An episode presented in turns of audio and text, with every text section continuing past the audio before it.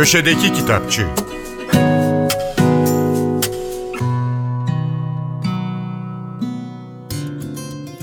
Merhaba, ben Adnan Bostancıoğlu. Can yayınları geçtiğimiz günlerde önemli bir klasik eser yayınladı. 18. yüzyılın önde gelen düşünür ve devrimcilerinden Thomas Paine'in Amerikan bağımsızlık bildirgesinin hazırlanmasına ön ayak olan el kitabı Sağduyu. Kitabı Türkçe'ye Akın Emre Pilgir çevirmiş. Öncelikle Thomas Paine'i kısaca tanıyalım. Paine 1737'de Norfolk, İngiltere'de doğdu. Kısa sürelerle farklı işlerde çalıştı. İngiltere'deki son işi vergi memurluğuydu. Çok para kazanamıyor, kazandığını da kitaplara harcıyordu. Doğrusu hayatı başarısızlıklarla doluydu. Paine peş peşe yaptığı iki evliliği de yürütemedi. 1772'de zam talep ettiği sert bir metin yayımlayınca görevden alındı. Tam da umutsuzluğa kapıldığı günlerde Benjamin Franklin'le tanıştı ve onun önerisiyle çalışıp para kazanmak üzere Amerika'ya gitti. Thomas Paine, Pennsylvania Magazine dergisinin kurulmasına ön ayak olanlar arasındaydı. Yayın yönetiminde görev aldı. Dergide çalışırken bir yandan kölelik ve Amerikan kolonileri üzerine dikkat çeken makaleler yayınladı. Amerikan Bağımsızlık Savaşı sırasında çeşitli kamu görevlerinde bulunan Paine, 1787'de Avrupa'ya geri döndü. İngiltere ve Fransa'da krallıkların devrilerek yerine cumhuriyetlerin kurulması için mücadele etti. 1789 Fransız devrimiyle beklentilerinin bir bölümü gerçekleşmiş oldu. 1791-1792'de İnsan Hakları adlı kitabını yayımladı. Bu kitapta Cumhuriyet yönetimini savunarak İngilizleri monarşiyi yıkmaya çağırdı. Halkın eğitilmesini, yoksullara yardım edilmesini, işsizlere devletin iş alanları açmasını, emekli aylığı verilmesini ve gelire göre artan oranda vergi alınmasını istedi. Bu kitabı yüzünden İngiltere'de vatana ihanetle suçlanan Paine, bu arada Fransa'da ulusal meclise seçilmişti. Fransa'ya giderek meclis çalışmalarına katıldı ve monarşinin kaldırılması yönünde oy kullandı.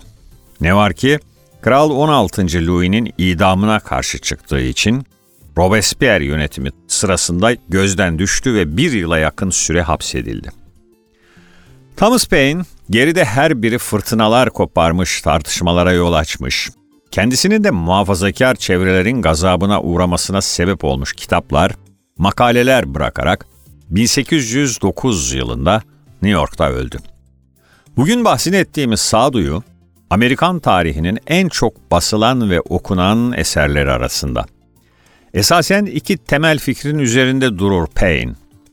Amerika'nın İngiltere'den bağımsızlaşması ve demokratik bir cumhuriyet kurulmasının gerekliliği. Payne'in bu küçük kitaptaki düşünceleri, bağımsızlık kavramını entelektüel çerçevede ele alan ilk metinlerden biri olarak kabul edilir. İngiliz gazeteci yazar Mike Gale'in gerçek bir hayat hikayesine dayanan romanı Sıradan İnsanlar Müzesi Düşbaz kitaplardan çıktı. Romanı dilimize Yasemin Büte çevirmiş. Annesinin ani ölümünün etkisinden kurtulamayan Jess, çok zor bir şeyi yapmak zorundadır. Satılabilmesi için çocukluğunun geçtiği evi boşaltmak. Jess evdeki kitaplara yeni bir yuva bulmaya çalıştığı esnada mektuplarla, fotoğraflarla ve eski eşyalarla dolu, depo olarak kullanılan ve sıradan insanlar müzesi olarak bilinen bir mekan keşfeder. Kendisini bir anda deponun gizemli sahibiyle birlikte müzenin resmi olmayan sorumlusu olarak bulur. Jess ve müze sahibi, korumaları altındaki objelerin geçmişini araştırırken, yalnızca nesillere ve kıtalara yayılan hikayeleri çözmekle kalmaz, eve ve kendilerine dair uzun süredir gömülü sırları da gün yüzüne çıkarırlar. New York merkezli bir yatırım fonu şirketinde yatırım analisti olan Jeremy Miller'ın yazdığı Warren Buffett Kanunları isimli kitap kısa süre önce Kronik'ten yayınlandı. Alt başlığı Dünyanın en büyük yatırımcısından bilgece tavsiyeler olan kitabı dilimize Ömer Şarlak çevirmiş. Kitap üzerine söylenecek fazla bir şey yok. İsminden ve alt başlığından da anlaşılacağı üzere Warren Buffett kanunları, dünyanın en büyük yatırımcılarından Warren Buffett'ın yatırım dünyasına nasıl girdiğini, nasıl büyüdüğünü ve hem kendisine hem de ortaklarına nasıl kazandırdığını anlatıyor.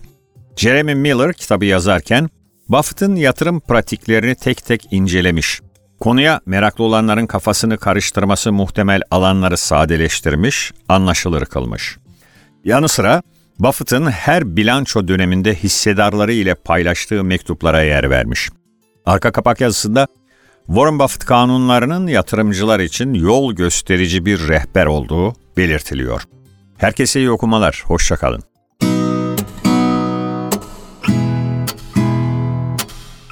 Köşedeki Kitapçı